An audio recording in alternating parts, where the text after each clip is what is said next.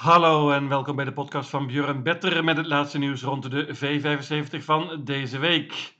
Het mooiste weekend van het jaar voor alle Zweedse drafliefhebbers. Elite Lop Weekend. Met op deze zondag een extra V75 met onder andere natuurlijk de twee series van Elite Loppet plus Elite Kampen, de koers voor de beste koudbloedige paarden van de wereld. Alleen maar toppaarden deze zondag en ook een paar prima Nederlandse deelnemers. Ik verheug me enorm. Geen tijd te verliezen, daar gaan we. Ja, de eerste afdeling is Elite Kampen. Voor de koudbloedige paarden met maar liefst 1 miljoen Zweedse kroon voor de winnaar. Dat is voor het eerst. Korte afstand 640 meter. Dit is het duel van dit weekend voor de meeste Zweden. Dit is Noorwegen tegen Zweden. Dit is Moonluke AM tegen Odd Heracles. Het mooie is dat beide paarden matig gelood hebben. Moonluke AM nummer 8, Odd Heracles nummer 10. Moonluke AM wint alles. Gunnar Melander, 75 jaar oud, wil zijn eerste elitekamp winnen. Iedereen gunt het hem. Paard gaat voor het eerst zonder ijzers. Ik denk dat hij vol in de aanval gaat. En dan heeft hij een uh, goede kans om de kop na een tijdje over te nemen. In dat geval is hij niet te verslaan, denk ik. Ik bank nummer 8, moeilijke AM. Normaal gesproken had ik Otto Heracles er zeker ook bij genomen, maar het paard is een schrapper geweest na de laatste koers. De vorm is iets wat een vraagtekentje. Het paard heeft wel goed gewerkt. 22 1600 meter. Dit paard won in 2020 en 2021. Is natuurlijk de voornaamste uitdager. Maar dit nummer is matig en de vorm is een vraagtekentje. Nummer 2, Belfax, wordt dit keer gereden door Oke Swanstedt. Hoppa. Paard gaat wellicht zonder voorijzers. Mooi nummer. Nummer 5, Nuland, is het beste Finse paard in deze koers. Gaat zonder ijzers. Kan verrassen. Nummer 6, Tang en Hoop, wordt weer gereden door Erik Adielson. Paard is supersnel van start, gaat met een bike en uh, pakt waarschijnlijk de koop. Ik bank nummer 8, Moonluke AM. tweede afdeling is de eerste serie van Elite Loppet 2022. En de loting heeft het spannend gemaakt. Nummer 8, Don Fanucci Set, de grote favoriet op voorhand, heeft heel matig gelood. Nummer 8. Dat had hij vorig jaar ook trouwens. Toen werd hij tweede in de serie, maar won uiteindelijk Elite Loppet. Ik denk dat Urjan Schielsen probeert om rustig in het dode spoor te gaan rijden. Maar de vraag is of hij daar terechtkomt en hoe. Dolphinutje Zet kan natuurlijk winnen, maar is zeker geen banker voor mij. De kop pakt waarschijnlijk nummer 1 Ernas Prins. Per Noordstrom heeft zijn paard super voorbereid, gaat zonder ijzers en met een bike. Op een supersnelle baan zal Ernas Prins niet makkelijk te kloppen zijn. Meenemen. Nummer 2 Brother Bill is heel spannend. Paard spurte geweldig laatst achter Ernas Prins. Brother Bill is denk ik zelfs een beter paard dan Ernas Prins. Meenemen. Drie Kokstal heeft eerder natuurlijk Elite Loppet gewonnen in 2020. Maar leek niet meer op zijn best. Maar laatst was hij enorm verbeterd weer. In Finland met Christopher Eriksson. Die rijdt nu weer. Paard won in een negen tijd en maakte indruk.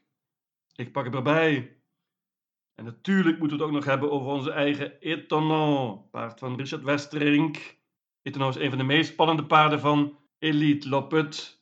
Hij uh, zag er erg goed uit laatst, won makkelijk in een elf tijd. De vraag is natuurlijk hoe die deze nieuwe omstandigheden gaat hanteren. Achter de auto, veel publiek, 1000 meter baan, allemaal vraagtekens. Maar Etanon is zo goed dat hij zelfs ook in deze serie kan winnen. Dat hoeft hij trouwens niet te doen, want Richard Westerink heeft van tevoren gezegd dat hij nummer 6 of 7 wil hebben.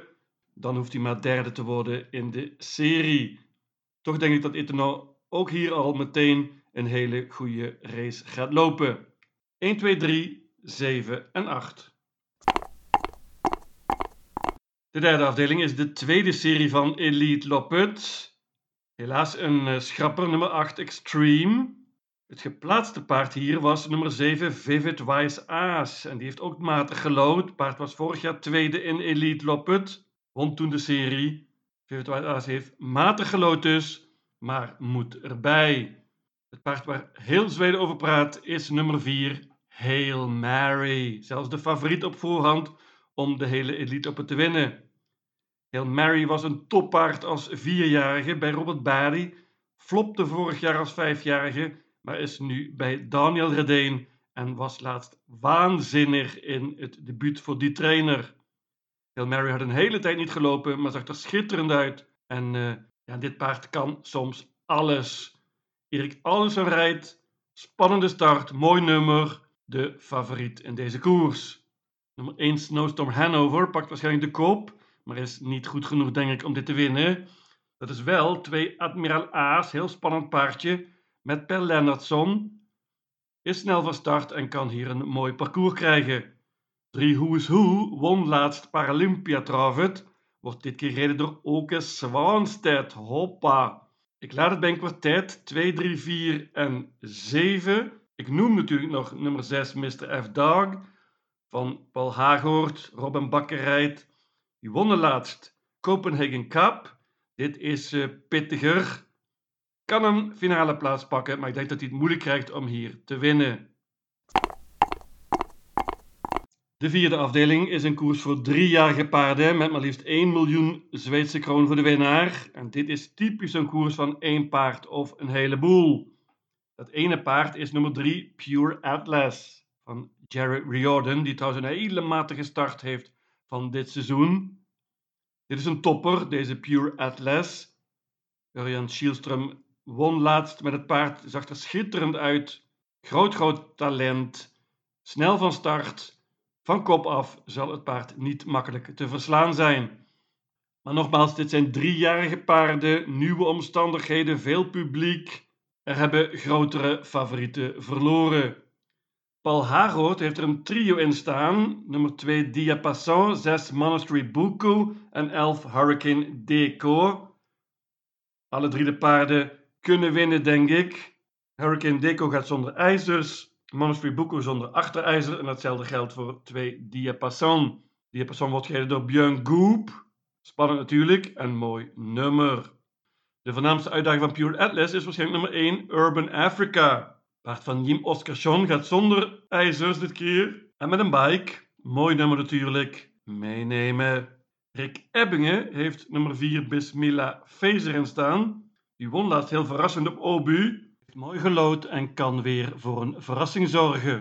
Ten slotte noem ik nog nummer 9 Juwela. Dat is een toppertje van Stefan Melander. En ook zij kan hier stunten. Ik pak uiteindelijk zeven paarden in deze driejarige koers.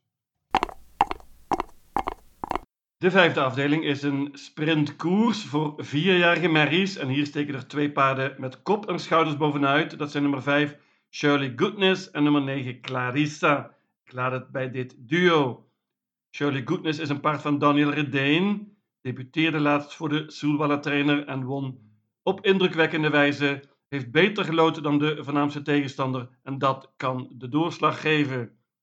9 Clarissa is echter geen bluff. Alessandra Gocciadoro is heel tevreden met haar. Stel Gocciadoro is op de weg omhoog. Deze Clarissa heeft enorme speed en uh, dit kan een leuk duel worden. Ik denk dat de rest het moeilijk gaat krijgen. Nummer 2, Imatra Am. Kan soms veel, maar wordt wellicht niet zo goed als ik ooit gedacht had. 6, A Perfect Face. Is een prima paardje van Adrian Colgini. Een duo in deze tweede afdeling. 5 en 9. De zesde afdeling is een vierjarige koers voor hengsten en ruinen. Korte afstand weer. Hier komt een absolute topper aan de start. Dat is nummer 2, Call Me The Breeze. Italiaans paardje dat in Frankrijk gelopen heeft op het eind. Laatst liep hij in Prix d'Atlantique en verloor toen van onder andere Vivid Wise Aas. Dat is een elite paard. Call Me The Breeze heeft schitterend gelood, is supersnel van start, gaat met een bike dit keer. Goede winstkans, kan een banker zijn nummer 3, Asteroid, vind ik een heel mooi paardje van Froede Hamre. Björn Goep rijdt weer. Die reed laatst ook. En toen wonnen ze in Finland op hele goede wijze. Mooi nummer ook voor deze nummer 3. Asteroid. Waarschuwing voor nummer 5. Kraak de Girifalco. Heeft een tijdje niet gelopen, maar werkt supergoed volgens stal Noedemos. Paard gaat zonder ijzers dit keer. En Noedemos waarschuwt ook voor deze Kraak de Girifalco. Kan een onaangename verrassing zijn voor de favoriet. Ik laat het bij dit trio 2, 3, 5. Er staan nog een paar prima paarden in. Nummer 6 Colibri Jet bijvoorbeeld is veel beter dan de resultaten laten zien. Paardje van Alessandro Gocciadoro. Nummer 1 Devil's Tang won laatst in de V75. Veel pittiger dit keer. Mel Bujings kan een hoop. Heeft ook veel geld verdiend. Maar moet pittige tegenstand hier. Een trio in deze zesde afdeling. De zevende afdeling is een leerlingenkoers, korte afstand. Ook dit is een koers van één paard of een heleboel. Ik laat het bij één paard en dat is nummer 4, Lara Vrijthout. Paardje van Connie Lugauer wordt gereden door Mark Elias. Paard is zeer snel van start en houdt van deze korte afstand. Kan zeker een tientijd lopen, denk ik. Deze Lara Vrijthout kan soms alles. Gaat met trekproppen dit keer. Lugauer is optimistisch, ben ik ook. Hela Wagenmark. Als je niet bangt, wordt het duur dus. In deze leerlingenkoers kan van alles gebeuren. Drie wint. Paardje van Alessandro Gocciadoro. Maakte enorme indruk vorig jaar in Zweden. Is op de weg omhoog. Dante Colgini rijdt. Bahama Passion en Elegant CN zijn prima paarden in goede vorm. Hebben mooi gelood. Tattoo Avenger nummer 6 kan soms alles. Maar deze afstand is een vraagtekentje. 7 Besta Nesta is een prima paardje. Andreas Leurdal is een hele goede leerling. Matig nummer. Ik bank nummer 4. Lada Javrijthout. Mijn V75 systeem luidt als volgt. Extra V75 Soelwalla, zondag 29 mei. Afdeling 1, banken nummer 8, Moonluke AM. Afdeling 2, paarden 1, 2, 3. 7 en 8. Afdeling 3 paarden 2, 3, 4 en 7. Afdeling 4 paarden 1, 2, 3, 4, 6, 9 en 11. Afdeling 5 paarden 5 en 9. Afdeling 6 paarden 2, 3 en 5. Afdeling 7 banker nummer 4 Lada Javrijthout. In totaal 840 combinaties. Lucatil.